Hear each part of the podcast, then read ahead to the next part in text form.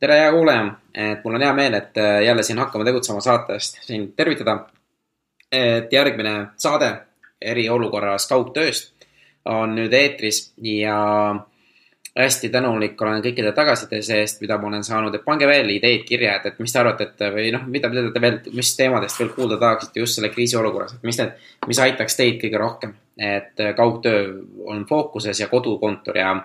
ja ma otsin veel mõned inimesed, et see on äh, mul ka kodus hea teha. ja tänane siis külaline on meil äh, Evelin Andersbok ja Evelin on siis töötanud viimased äh, viis pluss aastat täielikult nii-öelda kodukontorist. tal on ettevõttes, kus oli sada inimest, ta oli tööl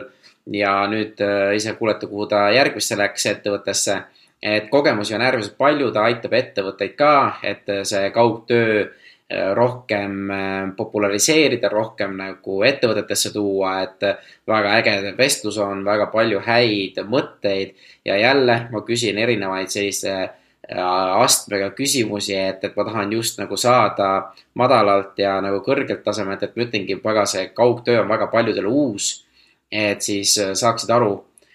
sõnadest, mida ma kasutan ja oleks nagu arusaadav ja loodetavasti on kõigile siin midagi õppida. ja kui sul on küsimusi, mõtteid, jaga meile indrek.hakkamategutsema.ee meie Facebooki kontol kõik pool ja siis nagu ma ütlesin eelmine kord, et meil ongi plaanis, ma tahan mastermind'id teha, ehk siis kogukonnad online'is, äh, kus siis oleks, et äh, mida ma läbi viin grupp inimesi, keda me siis aitabki, aitaks järjepidevuses ja selles kodukontori Äh, teemas nagu äh, järjel hoida, et just sihuke järjepidevuse meistriklass on siis selle mõte. et siis iga päev tugiisikutega me äh, jagame pilte ja siis me räägime kord nädalas, teeme kõne, et kuidas, kuidas see nädal läinud on ja, ja saame nagu üle sellest nii-öelda kodukarantiinist kiiremini ja paremini ja õpime ka uue harjumuse sisse ja ma arvan, et paljudele hakkab kodukontor meeldima, kui need saavad süsteemid paika, lihtsalt äh, tänasest saatest tuleb ka välja, see võtab aega, andke aega endale, et see on praegu sundolukord. et tegelikult kodukontoriga äraarvamus ongi kuskil kuu, kaks kuud, võib-olla kolm kuud mõnele. aga tegelikult on siin väga palju ägedat, nii et, et äh, nautige saadet, andke tagasisidet ja olge kõik terved ja hoia, hooli, hoolime üksteisest, aitäh teile. kallis kuulaja, alustab saade hakkame tegutsema. saade inimestele, keda huvitab ettevõtlus, eneseareng või lihtsalt soovib kuulata põnevaid lugusid. räägime Eesti ettevõtjatega, aktiivsete tegelastega, kellest võib tavaliselt väga palju ei kuule. mina olen Indrek Põldvee ja tänud, et oled minuga. hästi, nii. tere, Evelin. tere, Indrek. et nagu võib-olla mu kuulajad juba teavad, et ma olengi alustanud nüüd mõnda kaugtöö fookusega saate, saadet, et mõte on siis see, et, et kuna ma ise ei pidanud saateid väga palju enam tegema, aga tulin ka nii-öelda pensionilt välja natukeseks ajaks, et just selle kriisi ja mis siin maailmas toimub, et rohkem kaugtööd inimestele lahti seletada ja mis see tähendab ja siis ongi mul hea meel, et Evelin, kes on pika kaugtööga tegelenud ja ka ta tegi Facebookis uue grupi, kui ma ei eksi, kaugtööga seotud, et me pärast paneme selle ka kirja. ja tuleb meile täna siis äh, rääkima täpsemalt, et äh, tema jaoks, mis see kaugtöö on ja, ja kuidas teeb, et nii et, et Eveli nüüd sa saadki kohe rääkida, et äh, kes sa oled, mis sa töötad ja, ja miks kaugtöö siis sinu jaoks? ja et olen sattunud selle kaugtöö keskmisse, kuna viimased viis ja pool aastat töötasin ettevõttes Toggle, mis on siis Eesti kasvuettevõte, tarkvaraettevõte kelle kõik töötajad on juba aastaid töötanud äh, täis kaugtöö mudelil. olin seal personalijuht, olen kirjutanud selles, sel teemal ka blogipostitusi ja palju rääkinud, aga nüüd on tõesti huvi suurenenud, et tänaseks olen ise edasi liikunud Ampler Bikesi, kus olen personalijuht. Äh, kuid need teemad on endiselt sellised väga lähedased ja tõesti tegime Facebooki grupi kaugtööjuhid, et kõik, kes on siis kas ettevõtte juhid või juhivad meeskondasid, et kutsun kõiki liituma seal on lihtsalt eesmärk jagada üksteisele kogemusi, olla toeks, küsida küsimusi, kuna paljud inimesed on praegu hästi äkiliselt sattunud sellesse olukorda, et nad on sunnitud kodus töötama. ja võib-olla ma ütleks kohe alguses ära, et kuigi ma olen aastaid rääkinud sellest, et kaugtöö on õudselt äge ja palju rohkemad inimesed võiksid seda teha, siis muidugi kunagi ma ei kujutanud ette, et see asi selliselt äh, realiseerub ja et selleks on vaja globaalset kriisi, et inimesed saaksid seda proovida ja kindlasti ka see olukord, mis praegu on, et inimesed ongi reaalselt sunnitud oma kodudesse, neil on ka sotsiaalsed kontaktid ära lõigatud, ei ole päris see, millest olen mina rääkinud, et äh, tavaolukorras ma ei soovitaks sellist asja kunagi, et isoleeri ennast ühiskonnast ja tööta kodus ja veel enam, kui sul on näiteks lapsed ka kodus, et see ja. pole olnud see sõnum, mida ma olen rääkinud, aga ikkagi ma usun, et tegelikult hästi paljud inimesed avastavad, et neile ka meeldib teha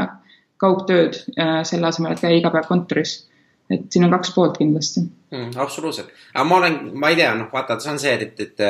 mis ma ise olen inimeste käitumises tähele pannud, et suured muutused tulevad just siis, kui on kriis, et näiteks, et inimene, kes oma tervise eest nii väga ei hoolitse, ta läheb arsti juurde, ütleb, et kuule, et sul on mingisugune halb haigus on ju, siis ta hakkab oma elu täiesti muutma. Ja tegelikult see muutus võib viia hoopis millegi väga palju positiivsema peale, et, et ma seda kriisi ka nagu vaatan, et okei okay,, on noh, see on kurb, et mis siin juhtub, aga samas jälle sa kunagi ei tea, mis põnevaid võimalusi või häid asju see võib endaga kaasa tuua, et, et mõtleda nagu seda positiivselt, et sama ju tegelikult ju kodutööga või selle kodu, kodukontoriga ongi see, et paljud nüüd näevadki, et, et kuidas see töötab, kas see on nende jaoks või ei ole nende jaoks ja samas ju mis on nagu üks kodutöö üks kõige suuremaid nagu plusse on just ettevõtetele ju, et nende kulud langevad, kui nad õpivad ära, kuidas nagu kodukontorit korralikult nagu juhtida ja kuidas seda tööd äh, äh, nii-öelda panna paremini tööle, siis ju kõik võidavad ju tegelikult. ja ma usun ka, et väga paljud võidavad sellest tegelikult, kui näha proovida avatult ikkagi vaadata, et mis siit on õppida, mida me saame edaspidiselt kaasa võtta, kindlasti kõik asjad praegu ei ei hakka töötama nii, nagu oleks ideaalne, nagu ma mainisin, et see, et inimestel on ikkagi lapsed kodus, et teeb töötamise väga raskeks, see ei ole ideaalne töökeskkond ja ei ole ka soovituslik. aga mis ma võib-olla juhtidele no, selle raha koha pealt eh, tahaks öelda, et jah, võib-olla õnnestub selle pealt ka säästa, kuid see ei tohiks kunagi olla peamine eesmärk, sest et eh, see on vale põhjus, miks seda teha mm. -hmm. minu silmis ikkagi kaugtöö selline kõige suurem väärtus ja see, miks ma sellest nii palju räägin ja olen rääkinud varem, on paindlikkus ja see, et sa annad inimestele võimaluse töötada sellisel viisil, mis on nende jaoks parim, et neil on ka kontroll enda elu üle, nad ei pea kellast kellani olema tingimata kindlas kohas. Nad saavadki pühendada aega rohkem võib-olla oma lastele või perele või hobidele ja kuidagi nii iganenud on see mõte, et sa pead istuma seal laua taga, et siis justkui nagu see kontoris istumine võrduks töö tegemisega, et tegelikult ei ole. kui sa näed kedagi arvuti taga istumas, siis sa lihtsalt näed, et inimene istub arvuti taga, sul ei ole mingit veendumust, et ta seal tegelikult tööd teeb ja et ma arvan, juhi seisukohast sa peaksidki mõtlema sellele, et kuidas pakkuda seda paindlikkust inimestele, et need, et nad oleksid rahul oma eluga ja oma tööga mm.. ja oleksid iseseisvad. ja, ja no juht ise ka, et, et kuidas, kuidas tema nagu seda kontrolli, kuidas tema ka näeb, et asjad ära tehakse, seda ja noh, mis ma ise olen aru saanud, kõige suurem väljakutse on just see usaldus. et ma olen sinuga nõus, et kui inimene istub arvuti taga ja inimene eh, kontoris, ma vaatan, et ahah kui ta istub arvuti taga, siis ta teeb tööd, on ju, et, et, et see on nagu definitsioon töö tegemist on see, kui inimene istub laua taga ja arvuti on lahti, vaata, tegelikult äh, sul ei ole aimu ka, mis ta seal arvutis teeb. just. et, et see on nagu, aga,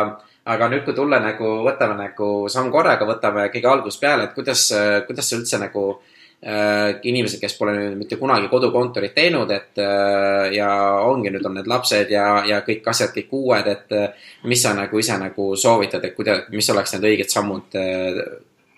korrektseks kodukontori tegemiseks?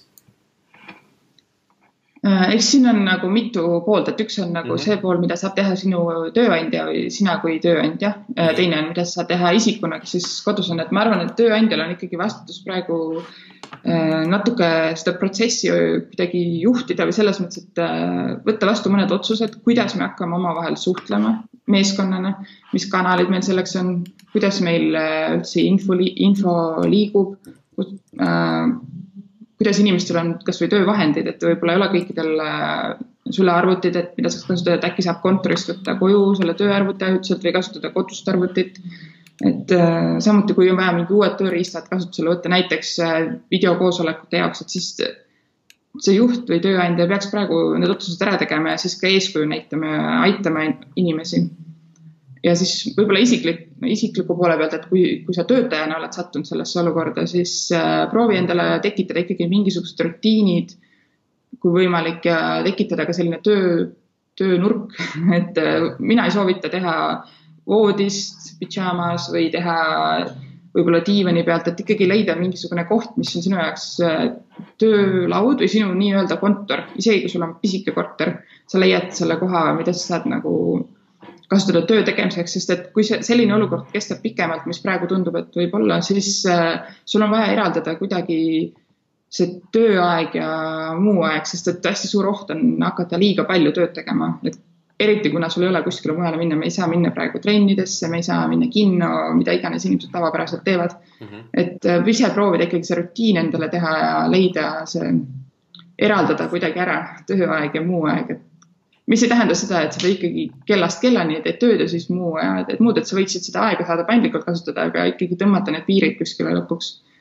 ma, ma arvan, et see on niisuguse vaimse tervise seisukohast hästi oluline ja ka produktiivsuse, sest kui sa ikkagi väga palju tunde päevas teed tööd, siis sa ilmselt ei jaksa väga hästi teha seda enam no.. ja, aga nüüd ongi see, et kuidas, kuidas sina näiteks oma päeva planeerid? Äh, muidugi aja jooksul mul on ju kujunenud välja teatud rutiinid, mis on ka praegu tegelikult häiritud, ma pean ütlema, et isegi see olukord on minu jaoks üsna keeruline mhm. isiklikus mõttes, et äh, mul ongi olnud hobid, millega ma tegelen pärast tööd ja tavapäraselt mul on väga kindel rutiin, aga praegu on see natuke paindlikum, aga kindlasti ma proovin õhtul ikkagi mingil ajal lõpetada ära töö tegemise ja pärast seda leida, kas minna metsa jooksma kasvõi jalutama, mingi muu tegevus, mis lülitaks mõtted ikkagi välja tööst ja rohkem arvutit äh, lahti ei tee, ei, kontrolli neid teateid, mis telefoni võib-olla tulevad, et äh, need saab tegelikult ära blokeerida teatud kellaajast, sest et keegi ei saa eeldada, et inimene töötab kakskümmend neli seitse. Hmm. Äh, et ähm, kodukontoris on seda väga lihtne see juhtuma, ma arvan, et ühest küljest ongi isiklik vastutus võtta kontroll siis enda aja üle ja mitte vaadata neid asju teisest poolt ka tööandjale paneks südamele, et mitte arvestada või eeldada, et inimesed on sul kogu aeg olemas kuskil, et leppige siis kokku, millal on töötunnid, millal, millal kõik inimesed peavad olema kättesaadavad. Ja see ei tähenda, et nad peavad üheksast viieni olema kättesaadavad, eriti praeguses olukorras, et võib-olla teil on näiteks äh, kolm-neli tundi päevas, kus on kokku lepitud, et kõik inimesed on online ja kui vaja, saab kiiresti helistada, kirjutada, mida iganes, aga ülejäänud aja inimesed saavad ise otsustada, millal nad oma tööd teevad, võib-olla nad peavadki lapsi hoidma, võib-olla nad peavad äh, poes käima, mingeid asju tegema, mis on kuidagi olulised praegu, et ja see annabki selle paindlikkuse inimestele. Mm.. et ma eile tegelikult äh, alustasin vaatamist äh,, hästi hea ka webinar oli, oli Basecampi asutajad. Tegid äh, kahetunnise Q and A laivi ja siis tegelikult nemad ütlesid, et ettevõtted, kes nagu, kellel see remote on praegu täiesti uus, et äh, võiksid võtta nii-öelda natukene, kuidas ütlen lasta sellest ärilisest poolest natukene aega lahti selles mõttes, et lasta inimestel harjuda selle kodukontoriga, et, et ongi nagu sa ise mainisidki, et, et lapsed on kodus ja kõik on uus, et, et siis ei ole mõtet tampida neid, täpselt neid töötunde nagu, nagu nad kontoris teevad, vaid pigem ongi niimoodi, et kuulge, et lepime kokku, et, et kas me saame mingi tund aega, mis iganes kellaajal või, või kuna nagu olla nagu ikka ühenduses ja, ja mitte ja teha nagu ühiseid kõneid ja mitte rääkida tööst vaid just rääkida, kuule, kuidas te kodukontoriga hakkama saate ja kuidas te nagu sellega toime tulete ja mis te vajate, et olla rohkem nagu, kuidas ütlen, empaatiavõimelised, mitte nüüd, et kuule, teeme nüüd äri ja teeme nüüd tööd, tööd, tööd, vaata. et see on nii, nii uus ja nii äh,, kuidas ütlen äh,, äh, selline ärev moment on praegu nii-öelda maailmas. Ja ma olen sellega ka nõus, nõus ja ma vaatasin ise ka sedasama ülekannet. Mm.. ja üks asi, mis mulle veel sealt hästi meeldis, mis nad ütlesid, et äh, ärge kopeerige oma kontorit kodukont-, nii-öelda sellesse kaugtöökontorisse, et see, see ei hakka kunagi samamoodi töötama, et kontoris füüsiliselt koos olles teie protsessid ja kõik mõtlemine on teistmoodi, see, et sa lähed ja koputad kellelegi õlale ja sa saadki võib-olla kiire vastuse, mitte et ma peaks seda võib-olla isegi õigeks, aga nii see on. ja sellised asjad ei toimi kaugtöö puhul või see näide, mis nad tõid seal, et et kuidas teha kahekümne inimesega koosolekut, veebikoosolekut ja tegelikult sa pead mõtlema, kas sul on vaja kahekümne inimesega teha koosolekut, et kas kõik need kakskümmend inimest tegelikult peavad seal olema, et üliharva nad tegelikult peavad olema, et tihti saab need asjad kas kirjalikult kuidagi ära arutada, teha ühine dokument või mingi muu koht, mis iganes tööriista keegi kasutab, et äh, ideid koguda, otsuseid langetada ja need inimesed, kes tõesti peavad siis midagi sõna ka võtma koosolekul, et võib-olla ainult neid kutsuda ja ülejäänutega jagada hästi head protokolli näiteks. et see, see ongi see koht, kus täiesti saab ümber mõelda, et miks me teeme asju nii, nagu me teeme ja kuidas saaks seda tegelikult tõhusamalt teha, et võib-olla selle asemel, et kakskümmend inimest istuvad laua ümber või siis praegusel juhul kuskil videokonverentsis, et võib-olla viis inimest saaksid seal istuda ja ülejäänud viisteist saaksid seda tundi aega kasutada töö tegemiseks, et see on viisteist tundi tööaega leit-, maast leitud põhimõtteliselt. Mm.. ma olen sellega täitsa nõus, et ja, ja just see, ma arvan, et see, mis nagu aitab kaasa, on just selle õigete küsimuste küsimine. Et miks me teeme neid asju nii, nagu me teeme. et või kuidas ja. me saame asju teha efektiivsemalt või paremini, et ma arvan, et, et sellised küsimused peaksid olema põhimõtteliselt äh, iga protsessi juures, et kas see, mis ma praegu teen, kas ma üldse seda on mul vaja niimoodi teha või äkki ma saan seda kuidagi teistmoodi teha. et hakata neid asju rohkem kriitilisema pilguga tegema, mitte see, et me teeme seda niimoodi, sellepärast me oleme alati niimoodi teinud. et nüüd on just see aeg, kus sa pead adapteerima. ma olen väga nõus, et see, et me oleme alati midagi teinud, et see on nii, nii nõrk argument, seal on väga lihtne augud sisse tulistada mm,. absoluutselt, aga ütle, et, et kuidas sa ise nagu noh, sa oled väga, väga pikalt nagu kodu, kaugtööd nagu teinud, on ju. et esiteks ma olen selle, vaata sa ütlesid, see ületöötamine on, on, on väljakutse, et, et kui me ütleme, et mitu ja sa oled Togelis olnud, mis on mis on jälle nagu aja, kes ei, kes ei tea, Togel on siis äh, põhimõtteliselt äh, mina ütlen selle kohta stopper, noh, et põhimõtteliselt sa tead, kaua sa tööd teed ja siis saad kõiki asju nagu liigitada, et, et sa saad endale väga ilusti kirja panna, et, et kaua sa midagi teed ja sa näed, et äh, kaua ka päriselt asjad võtavad aega. et äh, ma millegipärast eeldan, et sa oled ise nagu ka päris palju nagu Togelit nagu kasutanud, et kaua sina tegelikult päevas nagu ka praktiliselt nagu tööd teha suudad? ja see on väga hea küsimus. jah, et Togliga sa saadki oma tööaega siis jälgida, et näiteks väga suur osa kasutajatest on need, kes kliendipõhist tööd teevad või tunnipõhiselt arveid esitavad ja et äh, hästi lihtne raporteid saada ja nii edasi ja ma, mina olen kasutanud aastaid ise ka seda enda jaoks. Äh, üks eesmärk oligi, et mitte üle töötada ja teiseks, et siis saada aru, et kuhu mu aeg reaalselt kulub, mis tegevuste peale, et pärast võib-olla optimeerida ja ütleme niimoodi, et umbes viis ja pool tundi, ma arvan, on minu puhul produktiivset tööaega, kui ma reaalselt teen mingeid asju, et kui ma olen läinud kohvipausile või midagi muud teinud, siis ma olen tavaliselt kinni pannud selle aja seisma. ja niisugune viis pool on niimoodi, et ma tunnen ennast hästi pärast saab vahel kuus, aga ma arvan, et see on juba pingutamine üle selle on kindlasti ületunnid juba tegelikult. et see illusioon inimestele, et ma töötan kaheksa tundi päevas mm.. Äh, ma ei usu sellesse, võib-olla üksikud inimesed mõnda aega teevad seda ja võib-olla päevi, kus tõesti ekstreemselt on vaja. aga produktiivset tööaega, kus sa reaalselt tööd teed, ei tule kaheksa tundi ja ma arvan, ka see on tööandjatele see mõttekoht, et mitte võib-olla oodata seda mm. inimestelt. kusjuures äh, sellega ju tegelikult ju äh, saab täielikult töölepinguid ju ära muuta, et see ei olegi neljakümnetunnised nädalad.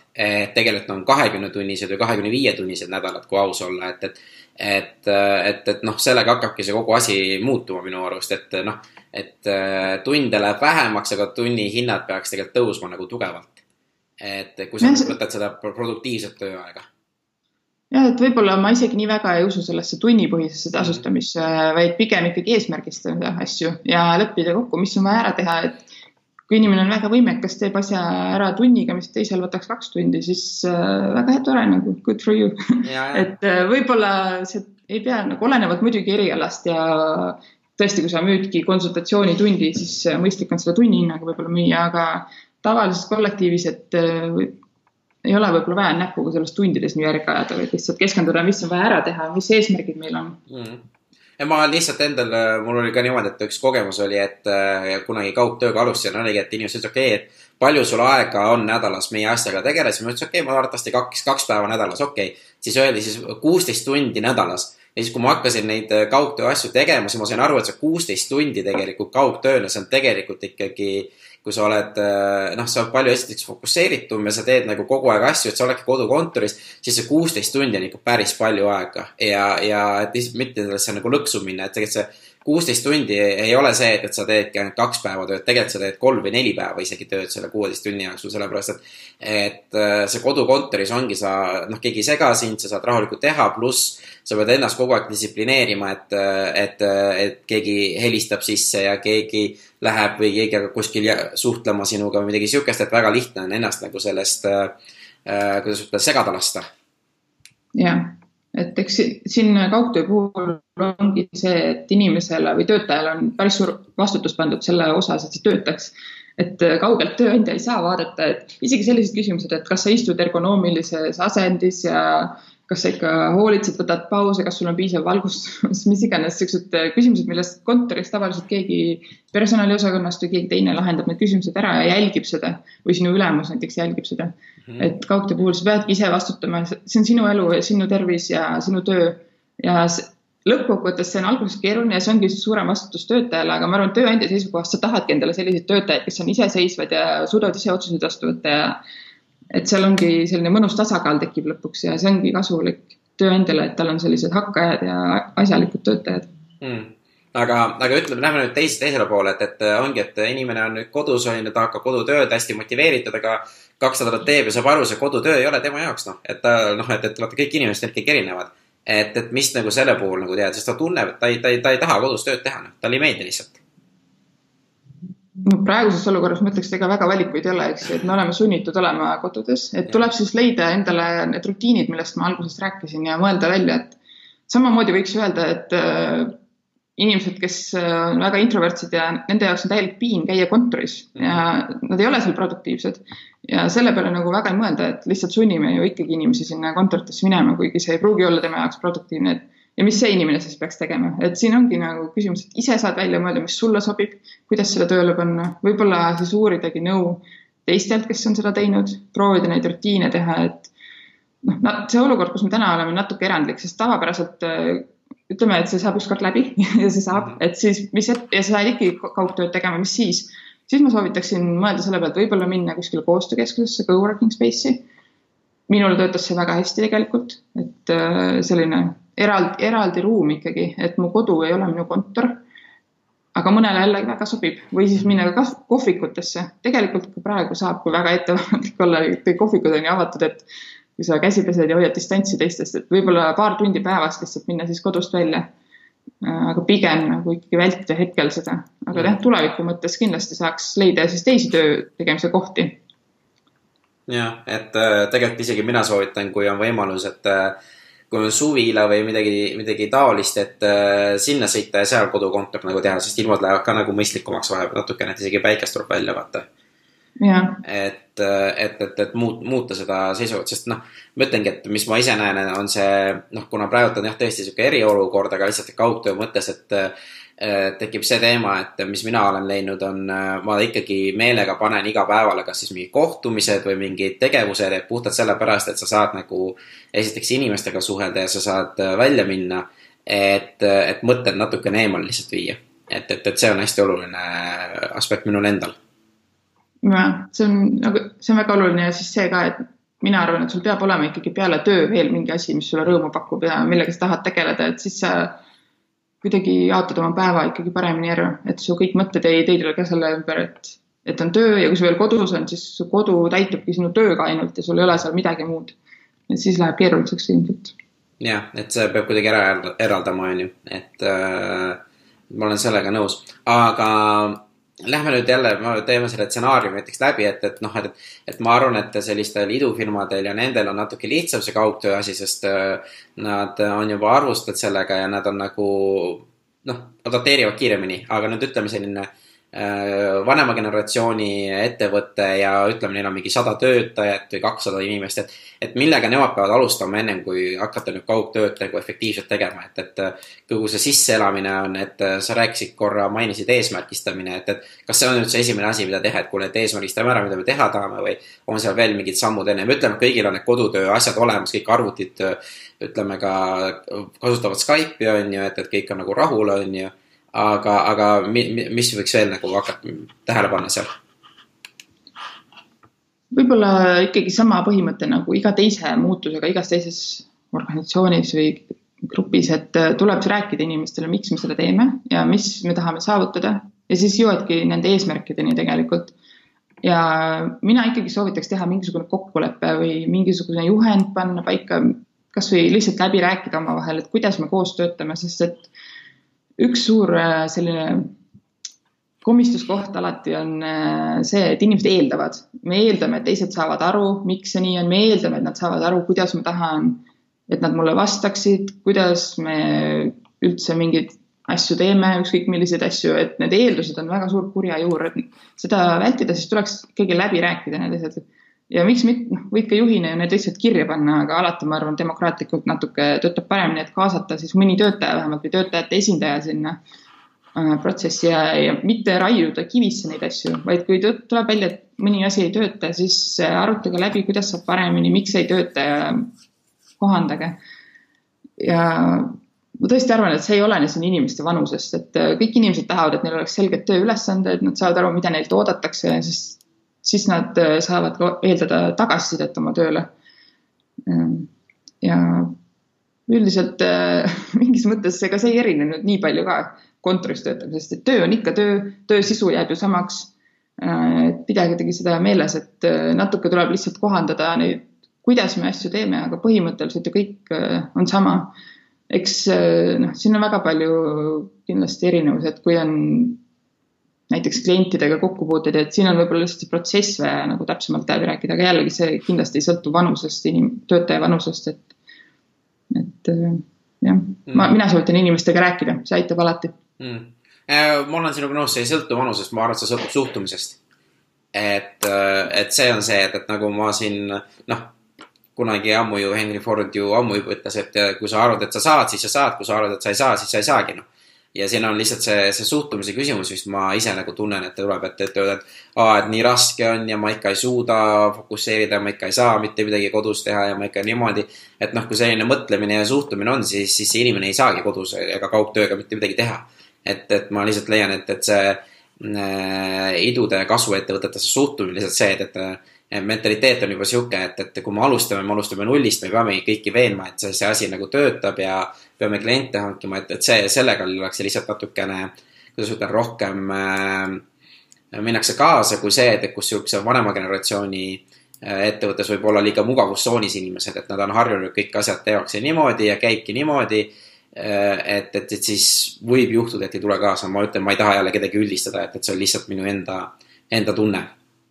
ja kindlasti võib-olla, et äh, on niisuguseid konservatiivsemaid keskkondi, aga siis tuleb veel rohkem rääkida, ma arvan mm,. et yeah. ikkagi minu soovitus jääks samaks, et äh,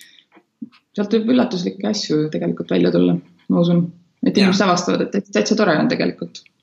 jah, ei, ei, ma ütlengi, et ma ise nagu tunnen, et nagu need kaugtööettevõtted ja just seesama see Basecamp, mis ma mainisin, mis on siis kaugtöö Äh, tegemise programm, et, et äh, teises saates rääkisime sellest päris, päris pikalt, kuidas nemad kasutavad seda Basecampi, et hästi. Nemad on, nagu nad ütlesid ka seal saates kakskümmend aastat teinud remote'i, et need sellised ettevõtted nagu võidavad väga tugevalt praegult. et, äh, et ja samas nad on näidanud ette, kui, kui, kui kuidas on võimalik ja noh, samas ka Togel, et, et Togelis oli ka, kui ma ei eksi, vist mingi viiskümmend inimest või kuuskümmend inimest üle maailma ja kõik on remote põhimõtteliselt, mis on jälle, näitab, et kõike on võimalik teha ikkagi üliefektiivselt ja väga edukalt nii-öelda, kui edu, eduks nimetame seda finantspoolt ja tegelikult to, tänaseks Togelis on juba üle saja inimese oh, wow. ja nad on ena, enam kui kolmekümnes riigis, enamasti kodukontorites, et see kindlasti töötab ja maailmas on ju veel suuremaid ettevõtteid, kus on üle tuhande, tuhat viissada inimest, kes on, kellel ei ole üldse kontorit olemaski ja kõik inimesed töötavad selliselt. Ähm, aga ma korra ütleks selle eelmise asja jätkuks veel, et äh, kuidas seda inimestele selgeks teha, üks asi, mis ma väga soovitan ikkagi ja minu arust see on nagu kriitilise tähtsusega, on see, et juht peab näitama eeskuju, lead by example, et kui see juht on usaldam-, ei usalda oma inimesi või ta ise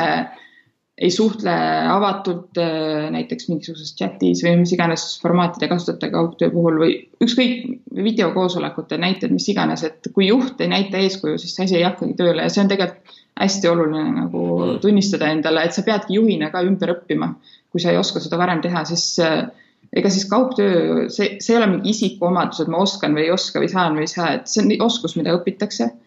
ja aastate jooksul äh, see on tõesti, või noh, nüüdsel juhul, see on ka kiiremini võimalik õppida, aga et aastate jooksul sa saad sellest paremaks. et äh, see ei ole ka selline ette määratud saatus kellelgi, et mm. ma olen selleks suuteline või mitte. lihtsalt tulebki aru saada, et me kogu aeg, maailm muutub ja, ja mina tegelikult äh, ütleme veel mõned nädalad tagasi ma olin veendunud, et kaugtöö saab üha populaarsemaks, aga ma arvasin, et see juhtub, ütleme kahe kuni viie aasta jooksul mm.. nüüd juhtus see siis kahe kuni viie nädala jooksul, et äh, asjad muutusid, aga see oli tegelikult ette näha, et selline trend maailmas on. Mm.. et hea on, et nüüd on ettevõtteid, kellelt, kes on juba praktiseerinud ja saavad kogemusi jagada. Absoluutselt, no ma ütlengi et, et see ongi nagu sihuke hea, et, et ta ei ole nagu, ta selles mõttes on küll ootamatu paljude jaoks, aga samas jälle nagu, nagu sa ise tõidki, neid edukaid näiteid on juba nii palju, et, et noh, kõik on ümberõppes ja ma, ma ütlengi, minu, minu jaoks on kõik nagu suhtumises ikka. et sa ei saa mitte midagi teha, kui sa ei usu endasse või sa ei, sa arvadki, et sa räägi, räägi niimoodi, ma ei jõua või ma ei saa, siis sa ei saagi. et ja ma arvan, et praegune selline kriis paneb ka väga palju just Eestile, et, et noh, võimalusi on väga palju tegev-, noh, et, et selles mõttes, et see, et, et mõned valdkonnad on praegult äh,, ei lähe nii hästi, siis teised valdkonnad lähevad väga hästi, ongi, sa peadki nagu vaatama just neid positiivseid pooli ja panebki sind nagu seda vaimset poolt nagu väga palju testima, et, et elu läheb ikkagi edasi ja, ja, ja noh, see, see asi möödub. Kuna, seda on raske võtta. just, ellu jäävad need, kes on kohanemisvõimelised, nagu ja. alati on olnud. et see on, see on nagu väga hea, et äh, ma olen, ma olen sellega täie, täiesti nõus. aga räägi mulle nüüd, et kuidas sa nagu ise nagu kodus äh, just need rutiinid, et näiteks, mis sa saad ise nagu välja tuua, et, et, et kohe alguses või kui sina hakkasid kaugtöö tegema, võib-olla sa ei mäleta enam neid, aga et äh, mis on need äh, tegevused, mida sa ise tunned, oleks võinud veel varem teha, et kas mingid kindlad rutiinid varem paika panna või see päev ära rohkem kaardistada või kuidas, kuidas sa ise nagu soovitad praegult äh, kodustele? Mm, ma arvan, et üks hästi suur äh, asi, mis mind aitas, oli ikkagi see, et mul tekkis reaalne kontorinurk, kus mul äh, oli ergonoomiline selline setup nii-öelda, et äh, see diivani peal tegemine minule mitte kunagi ei töötanud, sest et sa ei suuda seal päev otsa istuda, sul hakkab kael valutama ja see ei ole mugav. et kui vähegi võimalik ikkagi istuda laua taha ja kui veel saab lisakuvarit kasutada, nii et on tõesti mugav olla, et see on hästi suur asi, mis aitab. siis ma soovitan hommikul võiks viia hommikusööki ja siis ikkagi vahetada riided ära, pane selg, mitte pidžaamades teha, mhm. sest siis sa kuidagi eraldad enda jaoks, et nüüd hakkab tööaeg ja ma tean, et on ka näiteid inimesed, kes panevad lausa ülikonna selga ja istuvad kuskile teise tuppa või siis neil on töö tegemise sussid, et kui ma teen tööd, mul on need sussid ja pärast tööd mul on teised sussid, et mõttemustrid endale peas tekitada, siukseid harjumusi, millal on tööaeg ja millal on mingi muu aeg ja tegelikult aitab mind, on aidanud ka seesama, mis me enne rääkisime, et Toggle'iga oma tööaja track imine, et ma tean umbes, kui produktiivne ma olen olnud. See ei ole nagu nii jäigalt järje ajamiseks, et kui täna on pool tundi vähem, siis ma nui neljaks, ma teen selle lõpuni. aga see aitab kuidagi ennast ikkagi joonel hoida mm.. ja praegu ma ei saa seda kahjuks teha, aga muidu on mul ka alati mingi tegevus planeeritud pärast tööpäeva lõppu, et kui ma tean, et ma peaksin lõpetama, et kas ma lähen trenni või ma saan kellegagi kokku, et toimubki see niisugune mõt-, nagu mõtete mujale viimine ja keskkonnavahetus ja pärast seda on palju lihtsam juba lõõgastuda mm,. No ma olen nõus. ja ma ju, ma arvan, see riiete vahetus ja see, ma arvan, et see on hästi oluline, just see, et, et kui sa kodus oled, sa oled harjunud, noh, et kui näiteks kui sa kontoritööline oled, et või oled pidanud kus iganes sa toimetad, on ju et sa oled harjunud kodus olema ühed, ühtede riietega ja tööl teiste riietega ja see on su, ma arvan äh,, aju tagaosas kirjas, et umbes, et kui sa kodus oled, siis sa oledki natuke laisem ja kui sa kontoris oled nende riietega, siis sa äh, teed jälle natuke rohkem, on ju, et, et siis kodus need ära vahetada, ma arvan, et see on, see on just nagu aju, aju nagu petmiseks hästi-hästi oluline see, et kas sa paned nüüd ülikonnad ja lipsud ja kõik lakikingad jalga, see on, see on nagu iga inimese oma, aga ma arvan, et mingisugused sellised Äh, nõksud peab ise kasutusse võtma, et, et meie aju ju, ta ei tea ju, et äh, mis on reaalne, mis ei ole, et, et niikaua kui oleneb meie enda sisendist. Ja, või näiteks selline asi, et sa ei tööta magamistoast või veel enam voodist konkreetselt, sellepärast et siis su keha ja su alateadvus harjub sellega, et see koht on töö tegemiseks, see koht pole puhkamiseks mm. -hmm. et eraldada enda alateadvusest need asjad ära ja isegi ma olen kuulnud soovitust et inimesed, kes palju töötavad kodust ja et neil oleks ka kaks näiteks arvutit, et üks on tööarvuti ja teine on mängimise arvuti näiteks, et muidu sa teed selle arvuti lahti, sul tulevad kõik need äh, notification'id ja sul tulevad võib-olla emailid seal ja mis iganes, et, äh, et täiesti ikkagi keskkonnavahetus ka selles mõttes teha, et kui on see võimalus. Et ise läbi mõelda enda jaoks, mis sinul on need asjad, mis nagu, mis sulle tööalaselt on olulised ja mis sulle eraelus rõõmu pakuvad ja siis leida kuidagi see see tasakaal või selline mm., kuidas see töötab, tööle panna jah, ja ma, ma ütlengi, see on hästi-hästi oluline, sest äh, hästi lihtne on ära harjuda mugavusega. hästi lihtne on harjuda just, et äh, vaatangi terve päev telekat või mis iganes, et see on nii lihtne, aga noh, et, et ennast sundida sinna töö, töökeskkonda jälle ja kodus eriti. et see, noh, see on jälle erinev, inimesed on erinevad, aga, aga, aga see võib tekkida nagu, või noh, on sihuke väljakutse et eriti alguses. kindlasti. et kindlasti. Äh, näiteks mina, mina praegu istun äh, trenniriietes, et ma olen niimoodi, et ma üle päeva hommikuti esimesed riided, mis mu selga panen, on trenniriided, sellepärast et kui ma hommikul ei jõua trenni teha, siis ma teen seda päeva jooksul, aga aga kui ma nüüd kodus peangi olema, siis ma teengi endale trenniriided ja nüüd ma tean juba, et kui ma selle saate lõpetan, ma lähen põhimõtteliselt kohe metsa jooksma, sellepärast et mul on juba need riided seljas ja see nagu noh, miks mul need riided on seljas, et,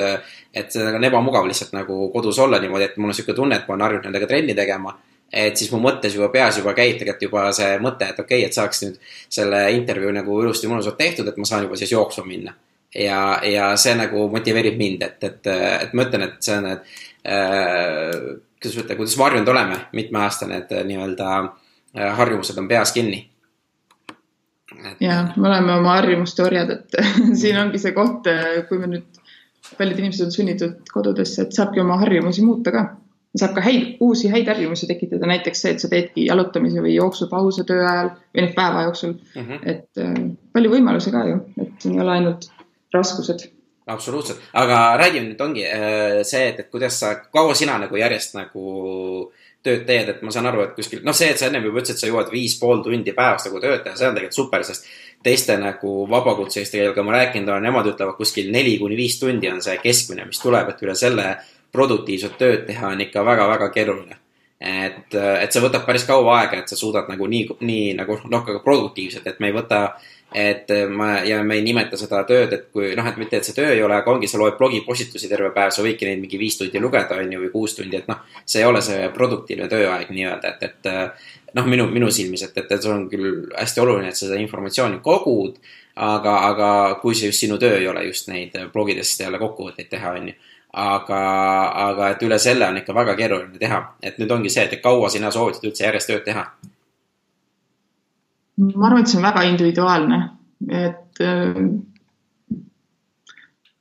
ma olen enda jaoks sellise rutiini kujundanud, mis töötab mulle ja ma alustan hästi vara hommikul võrreldes enamike inimestega mm. -hmm ja ma lõpetan ka selle võrra varem, et äh, minu jaoks on nagu oluline see vaba aeg, mis mul oleks pärast tööd, et ma saan oma hobide ja asjadega tegeleda, aga ma tean, et osadele inimesele see on, nad ei jaksa nii kaua järjest teha ja nii intensiivselt, et siis äh, neile sobib see variant, et nad teevadki kaks-kolm tundi pausi päeval ja siis jätkavad õhtul, võib-olla tegelevad, tegelevad oma hobidega keset päeva. aga mina isiklikult ei saa õhtuti väga produktiivselt töötada, äh, sest see segab mu und pärast, et mm. tulebki täpselt leida, mis kellegi jaoks töötab ja võib-olla ka selles mõttes, et see produktiivsuse definitsioon on igaühe jaoks erinev, et võib-olla tõesti kellegi jaoks on blogipostituste lugemine nii-öelda lihtsalt niisugune äh, nice to have, et seda ei ole osa tööst, aga samas kui mina oma tööaega track in, mul on seal eraldi kategooriaga õppimine ja lugemine, sest et äh, liiga lihtne on nendesse taktikalistesse igapäevastesse asjadesse kinni jääda ja mitte ennast arendada, et tegelikult teadlikult tuleb ka sellele aega pühendada, et vahel see lugemine ongi osa tööst ja siis see läheb kirja nagu töö mm. -hmm. lihtsalt äh, ma ütlengi, et noh, mis ma ise tunnen, et palju äh,, paljud võib-olla hakkavad üle mõtlema, et, et äh, ma pean nüüd tegema need kõik kaheksa tundi päevas ikka ära nagu kontoris üheksast viieni istuma ja kogu aeg olema ja midagi teha ei saa, et. et ma arvan, siin jälle, ma rõhutan seda, mis enne välja tõid, seda paindlikkust. seda hakata rohkem ära kasutama ja, ja siis on ju selline asi nagu loomingulisus, mida ei saa ajaga mõõta. Mm.. et need ideed, võib-olla kui sa nüüd lähedki jooksma pärast seda meie vestlust, et sul tulevad jumala head mõtted seal, mis sa võiksid mm-hmm. edasi teha, et kas see oli siis tööaeg või mis, et ju palju uuringuid on sellest tehtud, et et loomingulised ideed tekivad siis, kui inimesel on nagu hetk lõõgastuda või teha midagi muud, et ega nüüd nii rängalt või rangelt tähendab, ei peaks ka ju seda jälgima, et vaadata, mis on sinu töö iseloom ja mis on tulemus, ikkagi? Ma keskenduks tulemustele, mitte sellele tundide arvule. jah, et äh, see ongi, aga kas sa iseendale teed ka muidu päevas või õhtul, sa teed ka neid to do liste või, või sul on lihtsalt üldiselt mingi nädala või kuu või, või eesmärgid, et kuidas sina seda plaanid? Äh, mulle väga meeldivad to-do listid. Äh, mul, kasutan sellist äppi nagu Todoist, mis on tõeliselt niisugune elupäästja minu jaoks olnud, sest et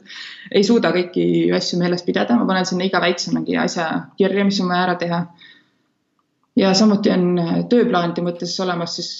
kvartaliplaanid ja nii edasi, et mulle meeldib, et on ikkagi hästi selgelt planeeritud ja kui ma töötan meeskonnaga koos, siis ma ei näegi muud võimalust, et me teaksime, et me ei peaks kogu aeg küsima, millega sa tegeled, kui kaugel sa oled, siis on meil asjad kirja pandud, me kõik näeme neid äh, plaane ja me näeme, me saame ära märkida, mis on tehtud, et mulle väga meeldib selline lähenemine, sest et äh, muidu tekivadki igasugused kahtlused ja, ja sa kulutad aega lihtsalt küsimise peale, kui sa võiksid lihtsalt minna kuskile tabelisse ja vaadata seda sealt. Hmm.. mis, mis programme veel sa soovitad kasutada, et saada see to do list? To do'ist jah, ja siis äh, üks selline tiimiga kasutamiseks, mis väga hästi Doglis töötas ja ka Empiris on kasutusel, on Notion.so on neil siis see leht. et see on selline wikilaadne leht, kus sa saad hästi palju, või mitte leht, vaid programm siis, et igasuguseid dokumentatsioone, tabeleid, märkmeid, see on tõesti väga palju võimalusi, ta on hästi kasutajasõbralik mm.. muidugi Google Drive, eks ju, kõik Google'i kalendrid ja asjad, mis on hästi kasulikud, et ma ei oskagi konkreetselt võib-olla nii palju välja tuua, et see väga oleneb, mis ülesande või noh, mis, mida sul vaja teha on mm.. aga jah, produktiivsuse mõttes kindlasti see, sellised asjad, kus sa saad kirja panna ja ei suuda ju kõike meeles pidada. ei, absoluutselt. aga kui suure, noh, ma saan aru, sulle need to-do listid meeldivad, et äh, kui suureks sa seda listi tegelikult päevas ajad ja, ja kuidas sul tunne on pärast päeva lõppu, kui sa vaatad, oo, näe, pooled asjad ei jõudnudki ära teha, et kas see, et noh, ma arvan, et sina oled juba sellega harjunud, aga ma lihtsalt olen äh, ma tean, et mõned inimesed, kes alustavad, nad just vaatavadki, teevad selle to-do listi ära. kirjutavad selle, kõik selle pika nimekirja, mida täna vaja on, õhtul vaatavad, näe, pooli asju ei jõudnud ära teha, et siis on oo, motivatsioonilangus, et näed, et ma ei olnudki täna nii produktiivne jah, vahel juhtub küll seda, et äh, nii palju muid asju tuleb vahele lihtsalt, et ei suuda neid, nendele keskenduda, mis sa oled planeerinud, et siis ma olen võtnud selle lähenemise, et see on okei okay,, et äh, kriitilised asjad teed ära või siis teed neid pisikesi asju, ma mingit numbrit ei oska öelda, kuna see oleneb, mõni ülesanne võtab sul kaks minutit, aga mul on see ka võib-olla kirja pandud, et äh, ma arvan, selliseid suuremaid asju kolm-neli tükki päevas ära teha, siis sa oled juba päris hästi hakkama saanud, et ma olen kuulnud kuni viis, inimesed on öelnud mulle, nad proovivad viis asja päevas ära teha. aga see väga oleneb jällegi sinu tööülesannet või noh, töö iseloomust, et äh, ei oskagi nagu niisugust äh, reeglit nagu öelda. ma arvan, siin reeglit ei olegi ja samas me räägime sinu kogemustest, et, et ega, ega ma ütlengi, et inimestele ette öelda, nüüd sa pead iga päev kolm, kolm suurt asja ära tegema ja nüüd on see, et, et defineeri ka suur asi, et mõnel on suur asi näiteks saata üks email on ju, mis sinu jaoks on võib-olla väga lihtne aga teise inimese jaoks võtab see pool tundi aega, et seda emaili ilusti kirjutada ja teha, et, et see kõik oleneb nii paljudest erinevatest pisiasjadest, aga lihtsalt, et anda inimestele nagu sellist Äh, tunnet, tunnetust, äh, tunnetust sisse, et ma ütlengi, need suured asjad on nii raske, äh, raske defineerida ka. ja mulle, mulle meeldib see, et ma näiteks reede õhtul või siis esmaspäeva hommikul teen nädalaplaani ette ära. enam-vähem kujutan ette, et mis koosolekud mul on kavas, siis mis ma seal vahel jõuan ära teha. muidugi, nagu ma ütlesin, et alati ma ei suuda neid asju teha, enamasti tegelikult ei suudagi kõiki asju nii teha, nagu planeerisin, aga vähemalt see mul ei ole nagu üks äh, nimekiri, lihtsalt üks pikk nimekiri, vaid see on jaotatud päevade peale ära. et mm. selles to-do'ist äpis saab selle teha, et sa iga päeva kohta, järgmise nädala kohta näiteks ütled, mis sul on kavas, et siis see on kuidagi läbimõeldum minu jaoks, et ma realistlikult ma tean, et ma ei jõua esmaspäeval ja teisipäeval neid asju ära teha, siis ma planeeringi, et ma teen neid kolmapäeval. siis see annab mulle sellise meelerahu, et äh, ma olen selle peale mõelnud ja ma jõuan selleni, mitte et lihtsalt ootad seal viisteist asja nimekirjas ühe päeva peal mm.. aga okei okay,, aga siis sa teedki nagu nende päevaplaanid just okei okay,, nende, kas sa teed äh, reedel, ta teed siis laupäev, pühapäev kuni järgmise reedeni või, või sa teed tööpäevade seda plaani? mina ei tööta nädalavahetustel reeglina, et Aha. äh, proovin seda väga vältida, et oleks ka see puhkeaeg, mis on minu arust hästi oluline. ja ma teen reede õhtul järgmiseks nädalaks, sest siis on nii hea tulla esmaspäeval istuda arvuti taha ja kohe hakata tege-, tegutsema, sest et noh, vahel ikka juhtub, et võib-olla on nädalavahetusel midagi era-, erakorralist sinna tulnud, aga mulle meeldib see tunne, et ma tean, ma rahuliku südamega tulen esmaspäeval, hakkan otsast peale uuesti mm,. okei okay., aga mis sa, kuidas sa nädalavahetusi, eriti nüüd selle kriisi või kuidas üldse nagu remote tööga, kas see on see, et, et sa proovid kõiki asju teha, et, et mitte kodus olla või, või, või kuidas, kuidas, kuidas sa nagu soovitad veeta? Mina soovitaks teha asju, mis sulle rõõmu pakuvad. Mm. et äh, need on igaühel erinevad, minu puhul on see matkamine, ma käin hästi palju looduses. Mm.. See nagu kuidagi rahustab mind ja annab nii hea enesetunde, eriti kui võimalik, praegu on natuke võib-olla vähe soovituslik, aga minna koos sõpradega. ja üldiselt äh, jah, mul ongi eesmärk siis kas minna loodusesse ja, või kohtuda sõpradega. et seda sotsiaalset poolt ka ikkagi hoida jaa, absoluutselt. ja nüüd see sotsiaalne pool nüüd ongi, et, et, et kui sa personalijuht oled, et kuidas sa selle nii-öelda just noh, ja Togeli kogemusel ja kõik need, et kuidas seda töökultuuri ja töövaimu, sest noh, paljud arvavadki, et, et kuna me kontoris iga päev näeme, et siis see töökultuur on hästi kõrge, on ju. aga nüüd, kui teeme kodutööd, et see kultuur kaob ära ja, ja ma ei saa oma kolleegidega üldse tuttavaks ja me ei saa enam rääkida asjadest, et, et kuidas selle vastu võidelda mm,? see on äh, väga, viimasel ajal väga palju küsitud ja ma ei tea, kuidas te seda kontoris teete, et võiks samamoodi, et kui teile meeldib omavahel arutada lemmikloomadest, siis saate seda ka virtuaalsel teel teha tegelikult, aga lihtsalt olla siis teadlik, et see ongi osa tööst, et äh, sellepärast meid, meil ongi lepingus, et me töötame kaheksa tundi päevas, aga reaalselt tööaega tuleb vähem, sest me kulutamegi aega ka sellele, et suhelda oma kolleegidega ja sama asi peaks kehtima ka kaugtöö puhul. et äh, selleks, et neid inimlikke suhteid hoida, siis sa peadki inimestega rääkima ja mina soovitaks ka näiteks, kui teil on nädalased koosolekud meeskonnaga, võib-olla sealt osa sellest või isegi suurem osa sellest ajast kulutada sellele, et rääkida, kuidas sul läheb, mis te nädalavahetusel tegite, sest muidu võib-olla on raske tekitada ise neid kohti, sest sa satud sinna tööhoogu, et äh, seal Facebooki grupist, millest me alguses rääkisime, seal äh, tegelikult toodi välja päris lahedaid mänge, mida saab kasvõi mängida video kool, selle koosoleku ajal näiteks mingeid ühiseid selliseid asju proovida või olenevalt ju, kes, kes sul seal meeskonnas on, mis te muidu teete, et neid samu asju tihti mm -hmm. saab teha. kõiki muidugi ei saa, aga mõelda siis mingeid muid asju ja mina ikkagi soovitan küsida inimestelt, mis nad tahaksid teha, et millest nad puudust tunnevad ja siis leida need, leida need mhm. asjad, mida nad tahaksid teha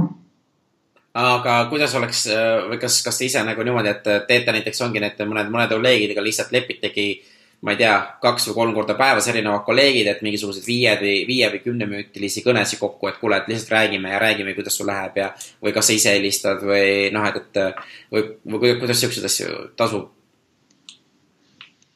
Togli kogemuse põhjal ütleks, et väga hästi töötab see, et juhid ikkagi teevad neid üks-ühele vestlusi kõikide Aha. oma meeskonna liikmetega regulaarselt, umbes korra kuus, ma arvan ah,. umbes korra kuus on niisugune keskmine, eks see oleneb olukorrast ja inimestest, et vahel on tihedamini, vahel on harvem. ja nende eesmärk ei ole, see ei ole selles mõttes arenguvestlus nagu paljudes siukses ütleme noh, paljudes organisatsioonides on, et äh, selle eesmärk on rääkida sellest, kuidas sul läheb, et äh, mitte, mitte see ei tähenda, et sa pead oma eraelust rääkima, kuigi ka sellest tegelikult väga palju räägitakse, sest inimesed on sõbralikes suhetes, vaid sellest, et äh, kuidas sulle su töö meeldib, mis võib-olla sind blokib kuskil, kus, kuidas sa tahaksid oma karjääri arendada, sellised asjad, et äh, tekitadagi seda usaldust ja sellist koostööd ja need on üliolulised selleks, et see, et ennetada igasuguseid pingeid või võimalikke probleeme ka, siis äh, tegelikult juht saab sealt juba selle info ja mis noh, kui on sellised ettevõtted nagu Toggle, kus kõik inimesed kogu aeg on kaugtööl, äh, siis tegelikult on oluline ikkagi näost näkku kokku saada. noh, muidugi praegu oleme, on seal ka kõik reisid äh, tühistatud, aga tavapäraselt ikkagi ettevõte reisib päris palju, et saada kas kogu ettevõttega kokku või siis meeskondade kaupa näiteks nädal aega koos veeta, natuke teha tööd, natuke käia väljas, tunda rõõmu üksteise seltskonnast, et selliseid asju see, see on mõõdetamatu lihtsalt, mis kasu sellistest kokkusaamistest on, et ma ei oska seda päris hästi kirjeldada, aga kõik, kes on selle, seal osalenud, teavad, et pärast seda, kui sa oled kellegagi nalja visanud koos ja võib-olla käinud purjekaga sõitmas, mida iganes, et eh, siis lihtsalt sa tunned inimest paremini, sa saad aru, mis huumorisoon tal üldse on või kuidas ta üldse reageerib asjadele, et kirja, kui me suhtleme kirja teel põhiliselt, kirjalikul teel,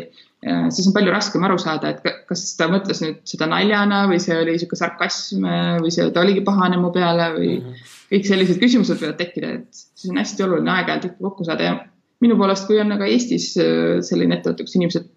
pigem enamus ajast on kodukontorites, siis võib-olla korra kuus saada kokku, minna lõunasöögile, et miks mitte proovida selliseid variante mm.. et sa ei pea inimest kogu tööpäeva iga päev nägema, et temaga ühtset meeskonnatunnet hoida. Mm.. ja ma ütlen, et see on jumala õige. Ja noh, ma ütlen, mina, mina ise nagu, kui ma olen vabakutselisena nüüd äh, olnud mõned äh,, mõni aeg äh,, noh, mingi aastaid paar, et äh, ongi see, et ma olen proovinud iga nädal vähemalt ühe või kaks lõunat inimestega kokku leppida, keda ma ei tunne või keda ma pole kaua aega näinud. Puhtalt sellepärast, et äh, kui mul, kuna mul endal ongi kas siis kodukontor või coworking space, et siis äh, enda nagu seda tutvusringkonda suurendada või, või nagu ka mõtteid nagu kellegiga kas siis kuulata või siis jagada. et eriti veel vanade tuttavatega, keda pole ammu näinud, et nendega nagu kokku saada. et see on nagu just see, et, et kuidas ütlen, hoia mind liikvel ja, ja samas saab äh, jälle suhelda kellegiga, et see on nüüd natuke küll tööväline, aga, aga et hoida neid mõtteid ja nüüd praegult ongi, kuna ma olen ka kodus ikkagi suht ikkagi karantiinis inimestega kokku ei saa, siis ma otsustasingi, et ma hakkan jälle vaata neid intervjuusid tegema, sest ma saan jälle sinuga suhelda, ma saan sinult vastuseid ma saan sinuga äh, nii-öelda põnevaid äh, vest-, vest-, teemadel vestelda, et, et mis teeb jälle minu päeva ägedamaks ja ma ei ole tunne, et ma olen üksinda kodus nüüd vaata, et pigem on jälle midagi, midagi ägedat. Jah, väga hea näide ja väga hea näide ka kohanemisest oludega. on ju, et, et, et noh, elu on meil on ju sihuke annab, kui, mis see oli, et, et nagu öeldakse, kui elu annab sulle sidruneid, siis tee sellest sidruni, sidruni, sidrunimahla on ju või limonaadi. et, et, et see tulebki kohaneda. et äh, aga räägi mulle, on sul veel mingisugused äh, mõtted, mida, mida sa ise näed, mis nagu enamus äh, ettevõtteid või, või peaksid kindlasti meeles veel hoidma või teevad nagu kas siis õigesti või valesti, et, et me juba selle kommunikatsiooni ja nii-öelda nende kokkulepete tegemises sellest saime nagu, et, et need on nagu, nagu hästi olulised ja et juht peab näitama eeskuju, et, et need on, et, et mis, mis, mis veel võiks nagu teemad olla? üks asi ikkagi, mis hästi tihti küsitakse, ma arvan, et selle võib uuesti üle korrata, on see usalduse küsimus, mida sa ka mainisid enne, et no see on lihtsalt nii tähtis, et et ei tekiks niisugust toksilist õhkkonda, siis sa pead usaldama neid inimesi, kellega sa koos töötad, et ära võta tööle inimesi, keda sa ei usalda või ei saa usaldada, et juba selle värbamise käigus saad mõelda, aga ikka edasi ka, et miks sa arvad, et inimesed ei tee tööd? Miks, et äh, pigem mõtle ikkagi, et inimesed teevad ja mõtle, kuidas sa juhina saad äh, siis nagu planeerida asju nii, et sa pärast saad aru ka, kas nad siis tegid või ei teinud. Ja kui sa ei saa aru, siis äh, ma arvan, et siis on nagu probleem ikka juhis pigem, et, äh, et ta ei osanud planeerida või ei osanud rääkida inimestega. et minu meelest võiks rohkem olla usaldamist ja kohelda inimesi ikkagi nagu täiskasvanuid, et ja käituda siis ka muidugi, kui sa oled kaugtööl töötajana, et olla siis usaldusväärne ja mõelda, kuidas sinu käitumine tundub võib-olla su ülemusele, et äh, kui sa ei anna märku, mis kellaajal sa töötad, et siis ongi väga raske aru saada, eks ju, et kas sa nagu teed ka midagi või kui sa ei, kui sa ei suht-, ei kommunikeeri oma tegevust, see on nagu kahepoolne. aga see on väga oluline märksõna, sest see tuleb ikka jälle jälle küsitakse selle kohta, et peab, peab oskama usaldada ja noh, kontrollida ka selles mõttes. ja, ja, ja ma olen sinuga täitsa nõus, aga kuidas, kuidas sa ise nagu seda usaldust äh, kui sina nüüd äh, ka seal Ampleris võtad uusi inimesi tööle, et, et mis sa vaatad, kuidas sa näed, et see inimene on usaldusväärne või kas see on su sisetunne või sa sest sa oled nii palju inimesi palganud just nagu remote'i, et, et sa kindlasti juba oskad soovitada midagi.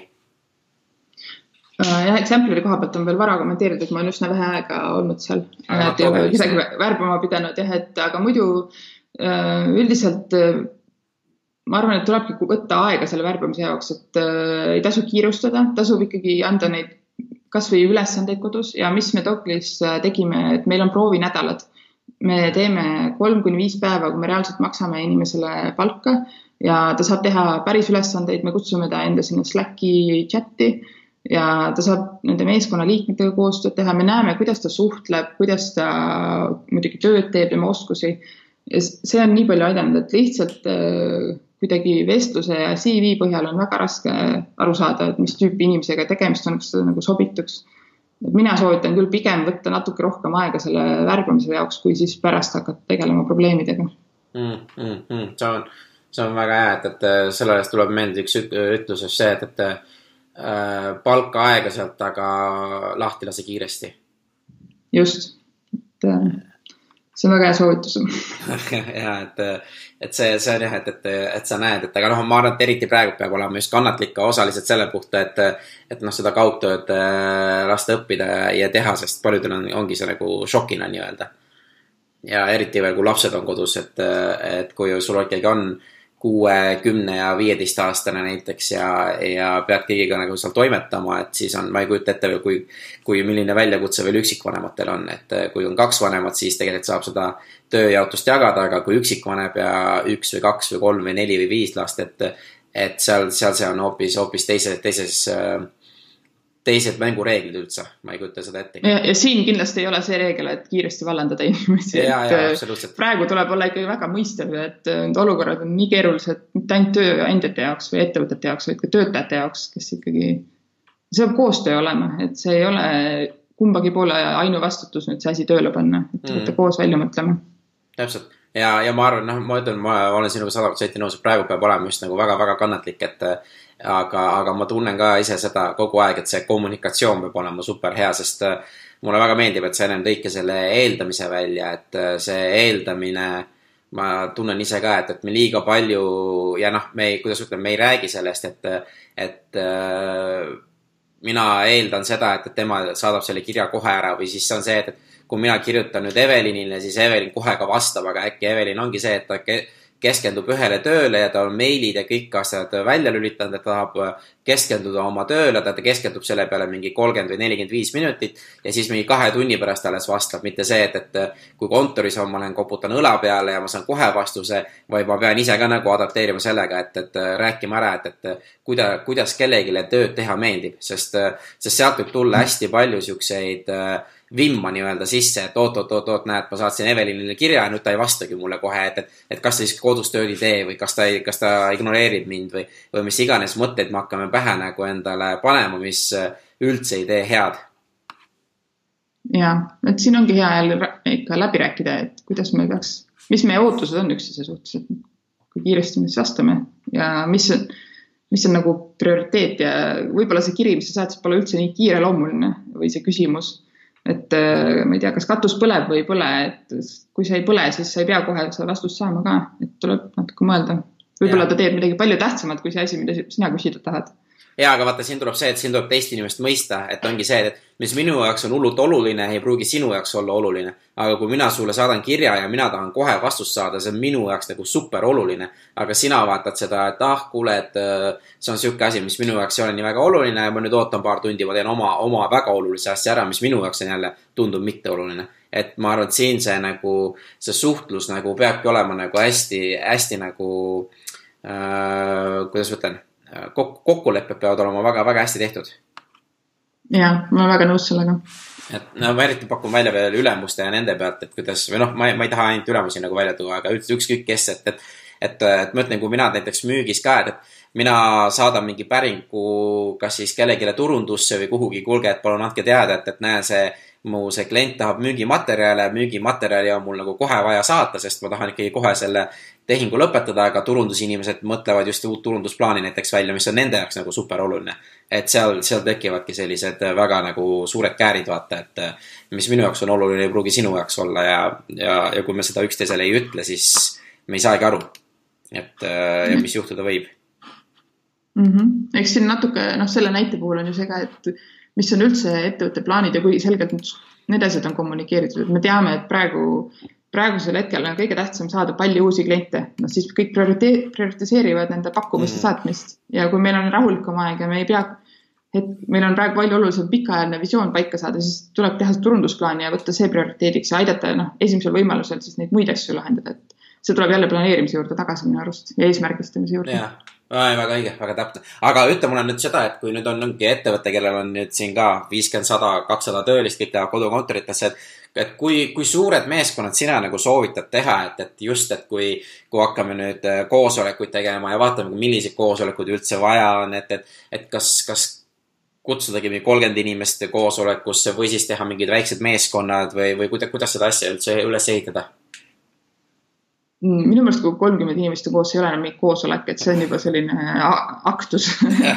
seal ei, seal ei saa arutada asju tegelikult mm., sa ei saa kuulata kõikide arvamust, et koosolekud võiks olla nii väiksed kui vähegi võimalik ja samas nii palju kui vajalik. ja see vajalikkus ongi vaja läbi mõelda, et äh, ja teine asi, see üldsegi praegu suurte meeskondade puhul, et mõelda, kas üleüldse on seda koosolekut vaja, et pange mingi Google Docsi fail, igaüks saab lisada oma mõtteid ja võib-olla koosolek võiks tulla ainult siis kokku, et teha otsuseid või mingid väga kriitilised arutelud, mida ei suudeta seal kokku leppida selles kirjalikus arutelus, et äh, siin on see mõttemustrite lõhkumise koht, kus sa pead mõtlema, et miks on selleks vaja koosolekut, kas on vaja selleks koosolekut. Ja ikka noh võib-olla praegu ei ole see aeg, kus nagu ettevõtte struktuuri hakata muutma, aga lihtsalt üldiselt ikkagi väga suured tiimid ei tööta, minu arust see on juba ammu ära tõestatud, et niisugune äh, kaheksa, võib-olla inimest kümme, et see on nagu optimaalsem suurus, aga noh, ma ütlen, et praegu ei ole see koht, kus hakata võib-olla organisatsiooni struktuuri tingimata muutma. Mm. sujuvalt, sujuvalt ikka jah, jah, jah, ei, ma olen selles, selles mõttes, okei okay,, väga, väga hea, et, et ma olen ka nõus, et praegult ei tasu nagu siukest kardinaalset äh, reeglit teha, aga noh, ütleme jälle, noh, keegi ei tea, kaua see, kaua see asi kestab, kas see on nüüd siin kuu aja pärast läinud, kas ta on sügiseks läinud või kas ta on aasta lõpuks on nagu kõik korras, et seda, seda on nagu raske, raske ennustada ja, ja, ja teada, on ju, aga noh, ma ütlen niimoodi, et, et äh, ma ise tunnen, et kui praegu ei tasu struktuure muuta, siis tasub kindlasti selle peale natuke vaikselt hakata mõtlema lihtsalt, et viia, viia need mõtted sinnapoole, et kas, kas tasub või ei tasu või, või kaua, kaua me ootame, et mingi hetk peab see nagu piir saabuma, et noh, töö peab ikkagi edasi või noh, ettevõtted peavad edasi kasvama ja, ja toimetama. ja kindlasti, et ega muud elu ei saa ka seisma panna, aga jah, mul ei ole vist väga head no, soovitust. ei, sujuvalt prooviks, soovitaksin asju teha. täpselt, ei ma arvan, see on jumala, see on äh, väga hea, sellepärast et, et tulebki seda kainet mõistust nagu säilitada, et mitte, mitte nagu paanikasse minna, sest noh, kõigil on raske. ma ei kujuta ette, ette ühtegi, ühtegi sektorit, kus, kus ei ole, ei ole hetkel nagu kerge. et äh, kõigil on see väga suur šokk, isegi, isegi noh, võib-olla siis tõesti ainuke tegelikult, mis ma kujutan ette, ongi remote äh, nagu Basecamp ja kõik siuksed, et kus on juba või Togel kümme pluss, viisteist pluss aastat juba remote'i tehtud. Nende elu jätkab samamoodi, lihtsalt et tellimuste hulk tõuseb nagu väga kordades. et, et seda ma näen lihtsalt. nojah, aga tegelikult ka nendel, kes, mis ettevõtted, mis sa siin mainisid, ka nende töötajatel on tegelikult praegu hoopis teistsugune olukord ja on raskem just sellepärast, et on ära lõigatud kõik need sotsiaalsed asjad ja sinu tavapärane rutiin on ikkagi häiritud kõigil mm üle, üle maailma, et äh, mingis mõttes on see ikka väga eriline olukord, et muidugi on eelis nendel, kes on juba harjunud kodus töötama, need oskused ja harjumused. aga see, mm. see olukord pole ikkagi päris tavapärane kellegi jaoks. absoluutselt, ei, ma olen sada protsenti nõus, et äh, ma ütlen, sellised huvitavad ajad on, äh, on praegult ja noh, viimati ma siin just rääkisin ühega, et kaks tuhat neli, neli aastal möllutas SARS ja siis hakkas tegelikult peale seda hakkasid e-poed äh, rohkem ja rohkem populariseerima, et, et et äh, nüüd öeldakse, et hakkavad e-õpe ja remote töökohad ja need hakkavad rohkem, rohkem tõusma, kui, kui, kui see, see asi on siin jälle seljatatud, et et kõik siuksed ajad vaja, annavad tõusu jälle millegile uule ja, ja samas ma arvan, et, et just see, mis sa välja tõidki, et et kui meil remote töökohad hakkavad kasvama, inimesed hakkavad isegi rohkem, veelgi rohkem iseseisvamaks, neil tekib rohkem paindlikkust, siis tegelikult ju meie kui need, kes kodu, kodukontorit teevad, meie ju tegelikult noh, nagu äh, tulevased inimesed võidavad just selles suhtes, et neil on rohkem aega ja nad oskavad rohkem oma aega planeerida. et see on ju ainult positiivne. ma olen väga nõus, et äh, mina näen hästi palju positiivset, mis saab sellest kõigest välja tulla, muidugi siin on ka majandusmõjud ja kõik, kõik see on arusaadav, aga mm. siiski ma usun, et siit on, mida õppida no täpselt noh, aga super, aga ma arvan, me saime nagu selle tunni aja jooksul, vaata ongi tund aega siin, et päris paljud teemad kaetud, et ma nüüd lõpus küsingi paar sihukest, et kas, kas on veel mingi teema või, või midagi, mis ise tunned, et ma üldse nagu ei puutunud, aga sa tahaksid veel rõhutada või, või, või välja tuua veel midagi? ma arvan, et kõik sai kaetud, et ei oska midagi praegu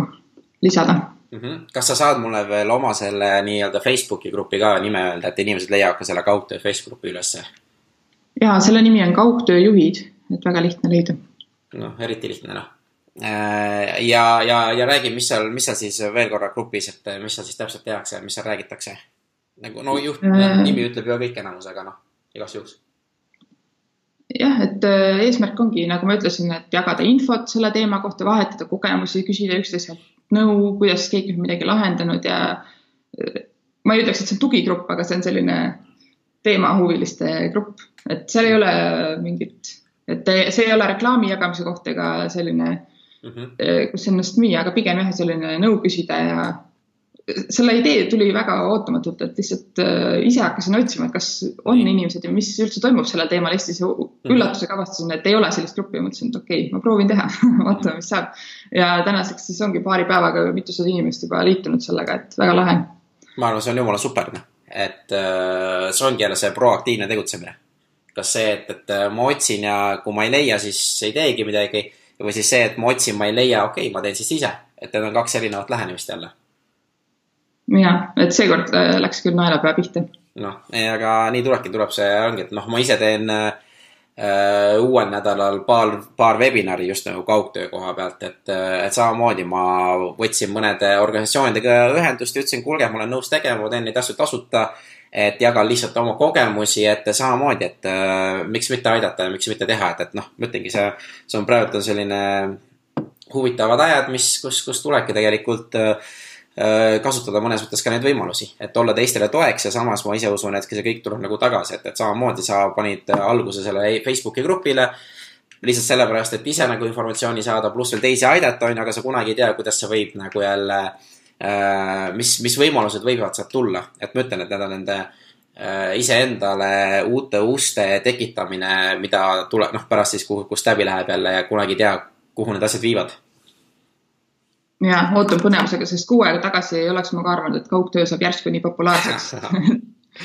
No jaa, no, no vaata, aga noh, siit võib tulla sul hoopis, hoopis teine, teine, teine selline nõustamine ja karjäär, et ongi, et kaugtöö spetsialist, kaugtöö nõustaja ja aitabki ettevõtetel äh, kaugtööd nagu, äh, kuidas ütlen, üles ehitada ja ettevõtetes neid struktuure muuta, et ütleme niimoodi, kui see, kui see asi siin kestab, ütleme järgmised pool aastat näiteks on mingi selline, noh, me kunagi ei tea, ma lihtsalt pakun välja, siis tegelikult ettevõtetel on väga, ma tunnen, vaja sellist äh,, esiteks seda vestlust, mis me just tegime, aga pluss siis ka praktiliselt nagu, et kuule, kuidas seda nüüd ellu viia, et need on kaks eri asja, et äh, kui sa kunagi teinud ei ole kaugtööd ja, ja sa võid selle saate ära kuulata, sa saad äh, targemaks, aga kui sa praktikas hakkad tegema, tegelikult sul on vaja inimesi, kes äh, kes tegelikult, kas siis on siis tugipartnerina, konsultatsioon või, või mis iganes see taustal võib olla. et ma ise tunnen neid inimesi maailmas läheb väga vaja, sest äh, ma ei kujuta ette, kui väike protsent äh, suurtest ettevõtetest üldse on kunagi kaugtööd nagu korralikult teinud ja oma organisatsiooni niimoodi struktuuri ümber muutnud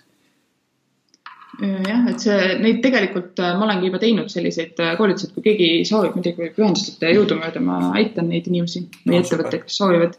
et äh, ma olen näinud, et ongi viimast, juba viimastel kuudel tegelikult või poolel aastal on see trend nagu surenenud, aga nüüd kindlasti on, ma näen, et see on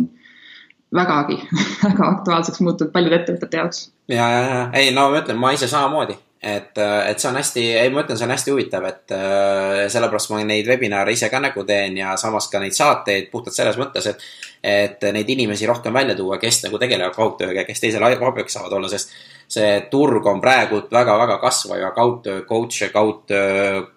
konsultante ja neid, ma arvan, et on, on väga vaja, sest äh, ma ei kujuta ette, kui, kui nüüd ongi, noh, ma arvan, et praegu ei ole õige aeg struktuuride muutmisest, nagu sa ise välja tõid, aga võib-olla kuu aja pärast on see õige aeg. Et ja see ei ole selline muutus, mis tuleb üleöö, sest ma tunnen, et see on ikkagi niisugune kaks-kolm kuud võtab aega, et inimesed üldse ära harjuksid ja, ja inimesed üldse saaksid aru, mis seal toimuv on pluss kogu see vaimne pool, et ma tunnen, et äh, kodus äh, just seda positiivset mindset'i hoida ja, ja ennast nagu ka, kuidas ütlen, inspireerida ja motiveerida kodus nagu, et, et, et need on, need on, need on, noh, need asjad muutuvad rohkem ja rohkem olulisemaks. Ja siin ongi, noh, nagu ma alguses ütlesin ka, et kaks poolt, et on see tööandja pool ja siis töötaja pool, et osaliselt kattuvad, aga seal on täitsa eraldi teemad veel mõlemas, mida saab rääkida ja mõelda mm,. Mm, mm. no väga super. aga selge, et kuule, aga siis äh, me oleme rääkinud nagu päris äh,, päris ägedalt ja tuli palju, palju uut infot ja ma arvan, et äh, see on hea koht, kus panna sihuke sihuke punkt, et äh, inimesed, kes tahavad, siis nad saavadki, kus sind kõige parem on üles leida näiteks, et, et mis, kuhu sa nagu soovitad, et kas tulla sinna äh, Facebooki gruppi või siis kuhu, kuhu sa veel soovitad? Äh, kindlasti soovitan tulla sinna gruppi kõigile, kellele pakub huvi, nimi oli siis kaugtööjuhid. Ja samuti mul on enda veebileht, kus ka on blogi ehk siis andrespokk.com, ma arvan, et sa saad selle oma märkmetesse lisada. ja, äh, ja siis võib-olla sealt saab minu kirjutusi lugeda ja võib-olla ka minuga ühendust võtta, kui on soov midagi täpsemalt küsida mm. -hmm. super, kuule aga Evelin, hästi super, aitäh sulle selle aja eest. aitäh sulle ja olge terved, inimesed. täpselt nii